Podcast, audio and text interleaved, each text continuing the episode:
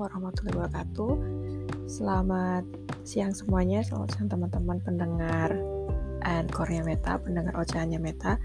Seperti yang udah aku janjiin sebelumnya, aku janjikan mau cerita soal Malang trip yang kedua karena kayaknya udah lama banget ya dari terakhir aku posting di blog waktu itu. Kali ini aku mau ngelanjutin cerita soal perjalanan aku dan teman-teman aku ke Malang di hari kedua atau lebih tepatnya mungkin di hari ketiga setelah kita sampai di Malang ya. Nah, untuk hari kedua ini ada beberapa tempat yang kita kunjungin karena kebetulan kita menemukan bapak-bapak yang baik hati yang kebetulan beliau adalah dulunya adalah um, bukan dulunya sih beliau masih bekerja sebagai driver Gojek di daerah Batu Malang gitu. Terus um, waktu kita pulang dari alun-alun Batu yang di hari pertama kemarin itu kita tanya tanya-tanya nih Pak kalau ke Malang bagusnya ke mana aja nih? Kebetulan bapaknya kasih rekomendasi yang begitu banyak dan ada inisiatif buat bisa nggak Pak kalau kita dalam tanda kutip nyawa bapaknya buat jalan-jalan di hari kedua? Mungkin bapak lebih kenal kota Batu dan sekitarnya gitu. Dan akhirnya kita sepakat untuk hari berikutnya kita menggunakan jasanya bapaknya untuk membantu kita untuk nganterin kita keliling daerah wisata di Batu tapi yang daerah atas ya atau mungkin kayak daerah gunung lah gitu ibaratnya seperti itu. Nah, aku mulai ya. Jadi untuk hari yang kedua itu Tempat yang akan kita kunjungi adalah ada Bukit Paralayang dalam tanda kutip di sana, bukan dalam tanda kutip. Di sana di, di Bukit Paralayang ada dua destinasi dua destinasi yang bisa kunjungi yaitu Omah Kayu dan Taman Langit. Ya, Taman Langit. Terus kemudian kita ke Coban Rondo, air terjun ya. Kemudian kita lanjut untuk makan siang di namanya apa ya? Kampung Sawah kampung desa. Ya itu pokoknya di mana tempat makannya itu pokoknya ada gazebo-nya gitu. Nanti aku ceritain ya nanti aku jelasin. Terus yang terakhir adalah ke Santera Flower Garden.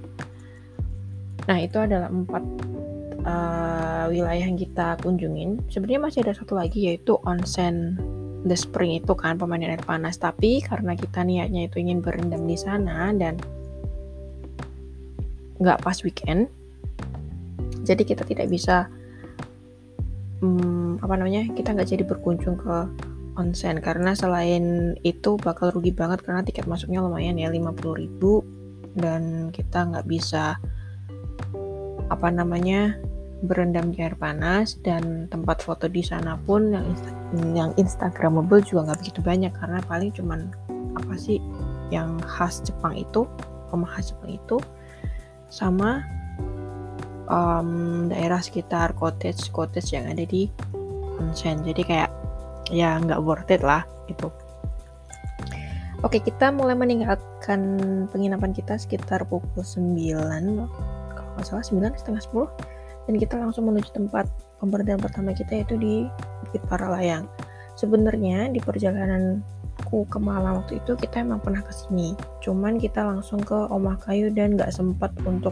geser atau melipir ke Bukit Paralayang di mana kita bisa melihat orang yang ingin mengunci adrenalin ya buat main paralayang dengan didampingi oleh uh, para ahli. Kalau bapak kalau bapak guide-nya bilang sih yang nemenin kalian atau yang bakal tandem sama kalian buat main paralayang itu adalah Beberapa di antaranya adalah atlet para layang khas nah, atlet atlet para layang Kota Batu. Dan bapaknya juga bilang bahwa salah satu pendampingnya itu merupakan atlet para layang nasional Indonesia. Keren juga ya. Nah, di sini pemandangannya indah banget kalau kalian ke Bukit Paralayang. Jadi kalian dari pintu masuk tuh ya. Oh ya, aku lupa sebutin tiket 15.000. Oh, oh 15.000 per orang parkirnya mobil 10.000 hmm, ya tapi karena bapaknya adalah udah sering ke situ jadi rezeki anak soleh solehah ya jadi kita dapat potongan untuk masuk ke sana oke lanjut jadi kalau kalian dari pintu masuk itu kalian ke kanan kalian akan uh, menuju ke Bukit Paralayang ya. Jadi start point untuk main paralayang ada di situ. Kebetulan waktu kita ke sana itu ada mbak-mbak yang main paralayang di situ and wow, it was really enchanting. Jadi itu kayak dari ketinggian banget kayak yang namanya paralayang tuh kayak berasa you'll fly into the sky kayak gitu. Untuk main paralayang sendiri tarifnya sekitar 350.000 sampai 400.000 dan ini nggak setiap waktu kita bisa main ya jadi tergantung arah angin atau tergantung cuaca jadi kalau kalian datang ke sana cukup pagi mungkin kalian masih bisa menikmati para layang dengan angin yang ya mungkin nggak terlalu kenceng ya buat main para layang. Masih aman lah. Daripada kalian kalau datang ke sana udah siang atau menjelang sore. Hmm, kita di Bukit Paralayang itu cuman of course taking foto. Kalau kalian lihat postingan aku di blog sebelumnya yang kita berlima foto itu foto-foto ala besti itu itu lokasinya di Bukit Paralayang dengan latar belakang pegunungan dan bukit-bukit dan pemandangan bawah yang super duper indah banget dan angin gunung yang wow aku bisa bilang itu sejuk banget oke okay. selesai foto-foto di Bukit Paralayang kita kembali ke titik awal kita datang ya kita masuk kalau dari tadi kalau dari pintu masuk tadi kita belok kanan ke Bukit Paralayang ini dari pintu masuk itu kita belok kiri. Di sana nanti akan ada percabangan akan ada loket. Kalian bisa milih kalian mau ke Omah Kayu atau ke Taman Langit. More or less sebenarnya Taman Langit itu sama seperti Ayana sih kalau di Bandungan ya. Jadi ada beberapa spot-spot foto gitu yang ada bentuk apa sih yang jaring-jaring bentuknya love atau mungkin burung atau mungkin nest bird nest kayak gitu. Dan kita memilih untuk ke Omah Kayu. Nah untuk ini tiketnya masuk ke Omah Kayu itu ribu rupiah. Nah di Omah Kayu ini mirip kalau kita jalan kalau kalian pernah ke Bandungan ya kalau kalian asli Semarang dan pernah ke Bandungan itu kalau kalian trekking trekking ke Gedong Songo itu kan kalian uh, biasanya kan untuk menuju Candi 2 atau 3 kan ada trekking untuk menuju villa atau kotes kayak gitu kan. Nah, mirip sama di Omah Kayu, cuman bedanya di Omah Kayu ini ada beberapa rumah pohon yang memang disewakan, jadi kalian bisa uh, menginap di situ.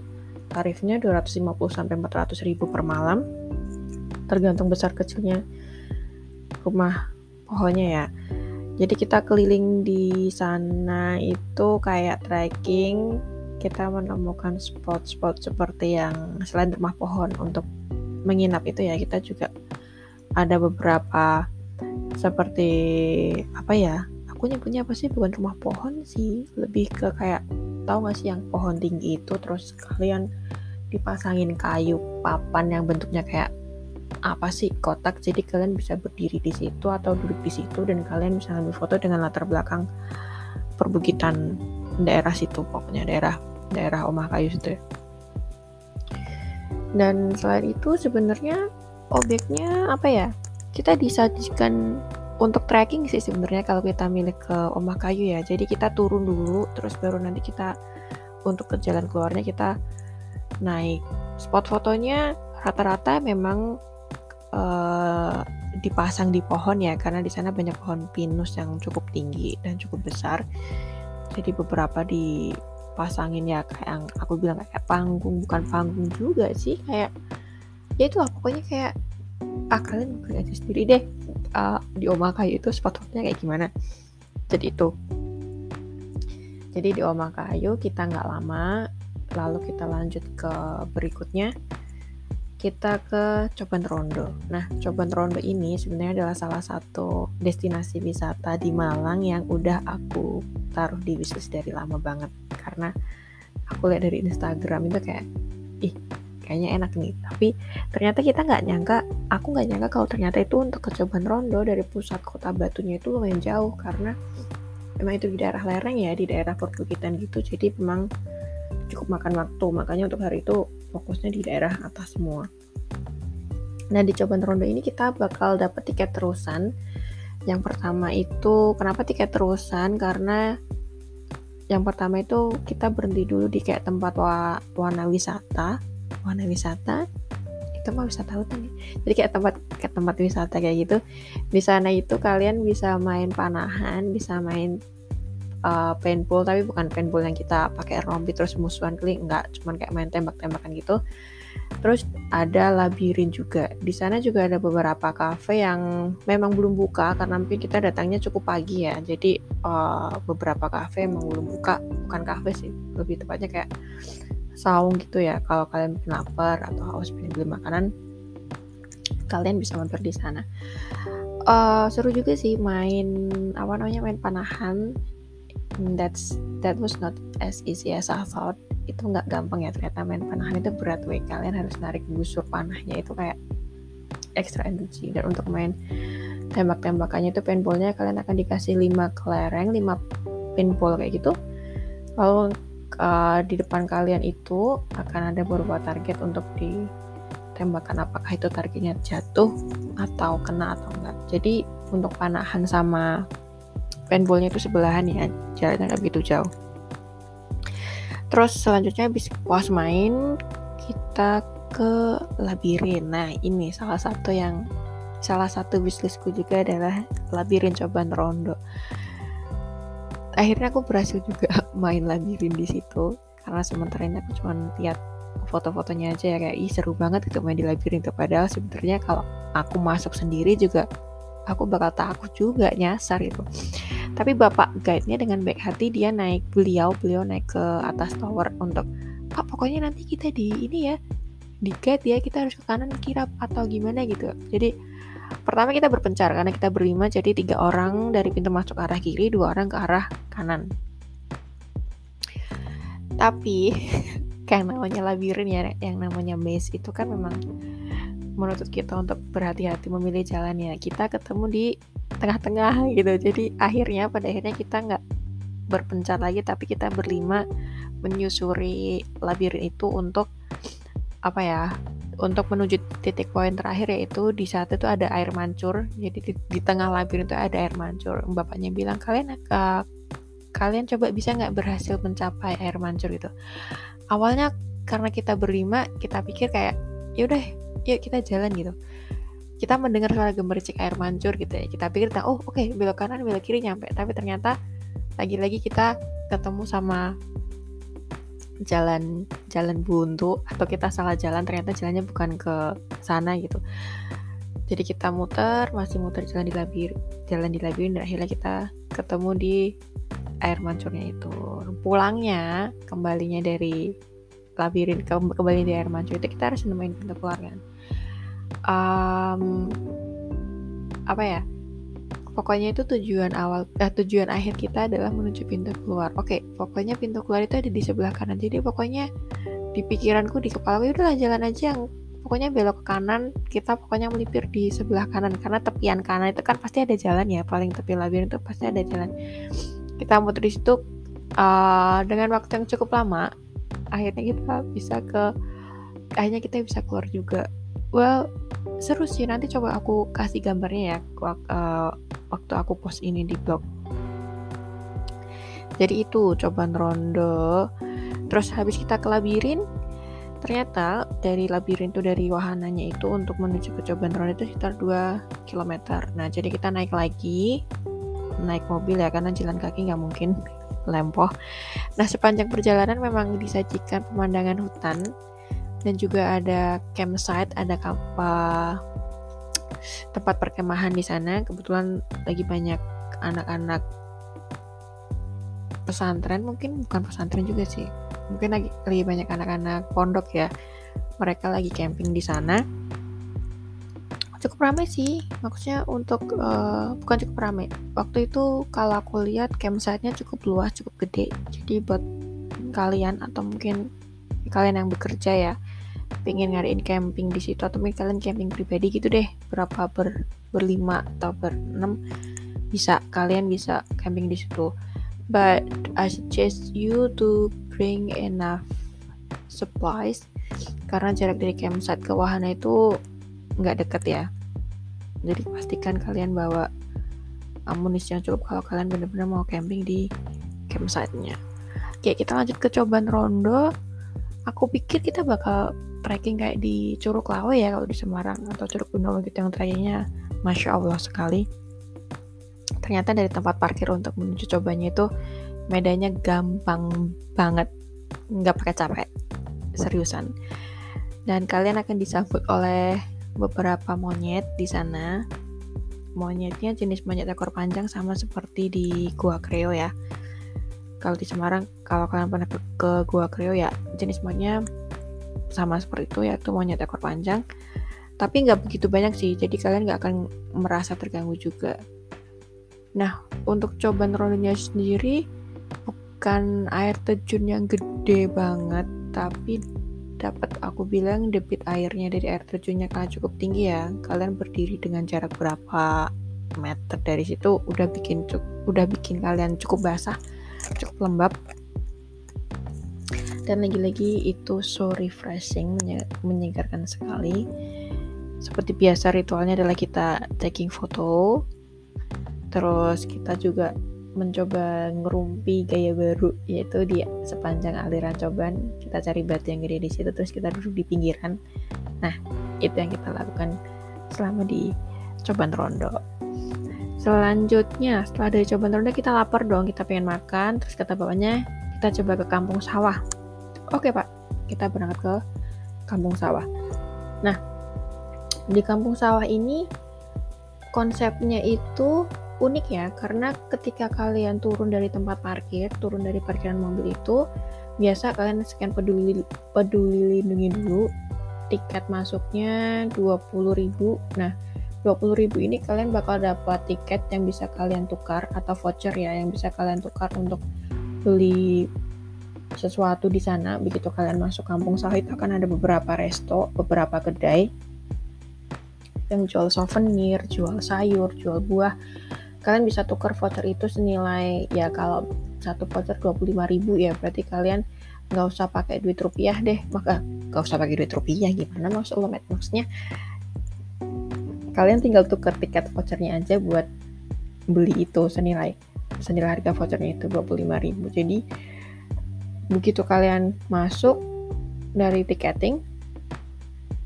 kalian akan jalan di kanan kiri kalian akan ada warung akan ada kedai lalu akan ada tempat rumah makan. Nah rumah makannya di sini kalau nggak salah lewat itu ada tiga tapi kita menunjang kampung sawahnya ya kampung desa. Apa sih namanya? Lupa. Ntar deh aku tulis. Uh, yang paling ujung. Nah tempat yang kita tujuin yang buat makan tuh enak banget. Karena bener-bener kayak karena tempatnya paling ujung ya. Jadi kita bisa melihat pemandangan yang gak ketutupan pemandangan sawah gunung atau perbukitan itu sejuk banget dan indah banget. Ada beberapa saung di sana. Kalian boleh milih kalian mau duduk di mana. Kalian mau duduk di saung yang gede kalian mau duduk di saung yang kecil-kecil. All of them are a good place for me. Cuman minusnya di sini adalah mungkin karena pandemi ya jadi tidak semua menu ada. Padahal tuh kalau di saung itu kan paling enak makan ikan bakar tapi semua ikannya nggak ada jadi cuma ada ayam bebek tempe tahu. Apalagi ya? Tapi kalau sayuran harus diakuin sayurnya di sini enak. Kita pesen uh, ca selada air ca kangkung sama ca toge. Menurutku semuanya lumayan fresh ya karena mereka memang mungkin ambil sayurnya dari kebun ya. Jadi nggak yang mereka ngambil dari pasar nggak nah di sekitar saung ini ada tempat selain kolam itu kayak ada tempat yang ditanamin wortel, kubis. Tapi kita kebanyakan lihatnya wortel sih tanaman yang dekat dengan saung kita tuh wortel. Minusnya dari tempat ini adalah um, sebenarnya kalau dibilang harganya pricey sih nggak begitu ya. Maksudnya masih standar lah, masih 20-an 15 ribu. Paling yang mahal juga ayam bebek lauknya yang mahal. Kalau untuk sayurnya sih masih standar. Minusnya di sini adalah mungkin karena kita memilih saung yang dekat sama ladang yang dekat sama kebun itu jadi banyak lalatnya ya dan kita nggak disediain lilin. Biasanya kan untuk menghindari itu kan disediain lilin atau paling nggak apalah gitu biar nggak begitu banyak lalat yang berkeliaran ya. So far kita cukup kenyang makan di sana. Hmm, menu juga enak karena kita nggak jadi ke onsen jadi kita merubah destinasi kita. Bapaknya kebetulan menawarkan ke Santera Flower Garden. Sebetulnya sebetulnya bapaknya tuh menawarkan ada satu tempat pemandian air panas lagi sih. Cuman jaraknya katanya bapaknya ya sekitar satu jaman bapaknya bilang seperti itu. Dan itu cukup apa ya cukup memakan waktu ya untuk perjalanan berangkat dan pulangnya. Dan itu juga udah lewat dari jam 2 udah lewat dari jam 1 jadi sayang banget. Soalnya tutupnya jam 4 jadi kayak sayang banget gitu kayak ya sayang di jalan aja gitu perjalanannya. Akhirnya bapaknya menawarkan untuk berkunjung ke Santera Flower Garden. Nah setelah selesai makan yuk kita cabut ke Santera Flower Garden di Santera Flower Garden ini kalau aku lihat itu mirip sama Celosia Bandungan. Aku belum pernah ke Celosia Bandungan sih, cuman kalau dilihat dari template-nya, template kalau dilihat di tempatnya mirip sama Celosia di Bandungan, hanya saja di Santera ini tempatnya lebih luas dan lebih bagus. Dan mungkin objeknya juga lebih menarik ya walaupun mungkin kayaknya sama kali di Selosia. Mungkin habis ini aku harus ke Selosia kali ya. Liburan ke Selosia dulu. Oke. Okay. nah. Um, di Santera Flower Garden ini tiket masuknya 25.000 itu kalian udah bisa keliling Santera sepuasnya. Udah kalian bisa masuk ke wahana. Tapi kayaknya beberapa wahana memang nggak di ini ya nggak dijalankan gitu. Jadi ya sayang banget sih tapi menariknya di Santera Flower Garden ini uh, di pintu masuk itu kan akan disambut seperti santorium, sanatarium, apa sih namanya? Pokoknya kayak rumah hijau gitu, jadi penuh dengan pohon, penuh dengan tanaman hijau-hijau. Lalu kalian akan disambut lagi oleh tanaman-tanaman yang bergelantungan gitu. Sebelum akhirnya kalian akan menemukan tara ada miniatur Korean street di sana ada persewaan handbook juga sama kimono but we would not do that. We didn't do that karena ya ngapain sih? Jadi kita cuma foto-foto kita cuma jalan menikmati pemandangan lembah dan perbukitan yang lagi-lagi itu kayak buat aku pribadi itu kayak refresh banget segar banget. Anginnya juga ya menyegarkan sekali sampai membuat kulit tuh rasanya kering banget ya saking dinginnya. Mungkin saking anginnya dingin kulitku tuh sampai kering banget um, di sana ada satu titik ada kayak kincir air yang cukup gede kita cukup gede dan di sana aku melihat uh, Miss Asri, Mister Rio dan Kokoh dan Ko Ani itu lagi foto-foto sama binatang eksotik ada ular, ada burung kakak tua, parrot. Jadi dan aku cuma duduk-duduk manis sambil menikmati angin.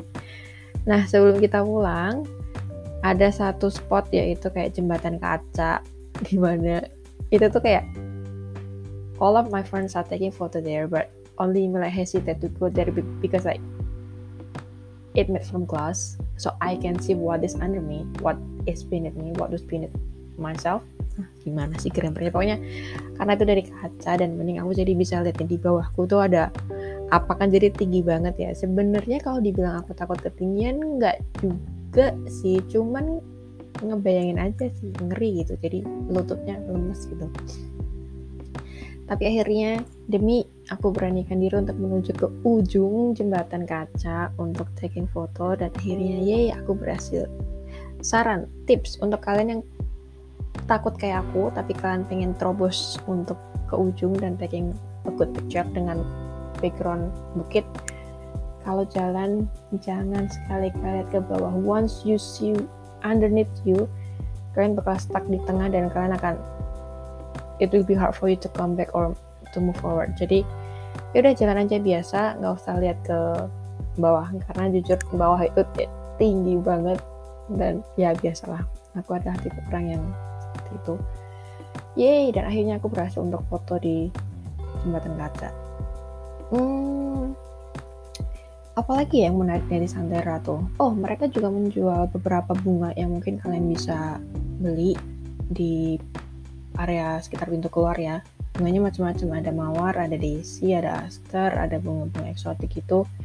Yang notabene aku lupa namanya. Seharga 25.000 sampai 50 tergantung jenis bunganya. Ada sukulen juga ada yang kaktus mini-mini juga. Oke okay, habis ke Santera tujuan terakhir adalah kita chill out dulu di 15 Celsius by Amarta Hills. Dulu aku juga pernah ke sana. Ini sebenarnya cafe ya ada di dekat hotel juga. Konsepnya indah banget bagus banget. Karena di sore hari kalian bisa melihat gunung yang hari itu tuh super duper clear like nggak mendung nggak berawan. Jadi gunung-gunung bisa dilihat sayangnya waktu kita ke sana itu um, kita ingin menghabiskan waktu buat lihat city light jadi perubahan dari uh, sore menjelang malam karena city light di sana pasti bakal bagus banget. Sayangnya udah gerimis. Jadi kita memutuskan untuk oke, okay, we end our journey here untuk hari kedua. Oh, satu lagi. Kalau kalian ke 15 Celsius, please make sure that you are really hungry and you have enough money to buy. Karena harganya di sini cukup pricey untuk tehnya sendiri karena mungkin pakainya tehnya darling ya. Jadi itu kan cukup pricey. Jadi hmm, di sana kita memang nggak beli makan berat kita kayak sharing platter kita beli nachos dan cuman minum teh hangat and it is really good for us karena uh, duduk di atas itu duduk di luar itu benar-benar dingin banget oke okay, jadi itu untuk podcast yang perjalanan Malang trip yang kedua untuk kurangnya nanti aku bakal tulis di blog ya karena aku kira kayaknya ini bakalan apa ya bakalan cukup singkat dan padat nggak seperti sebelumnya. Karena aku lupa kalau ternyata di Anchor itu cuma dibatasin sampai 30 menit aja. Gitu. Karena aku langsung dari Anchor ya sebenarnya aku bisa lebih dari 30 menit kalau aku ngerekam dari voice recording di komputer. Cuman karena aku sudah terlanjur buka Anchor ya aku lanjutin aja oke jadi itu tempat-tempat yang kita kunjungi selama hari kedua ada Bukit Paralayang Rumah Kayu, ada Coban Rondo, ada Kampung Sawah, Santara Flower Garden, sama yang terakhir adalah 15 Celsius by Amarta Hills.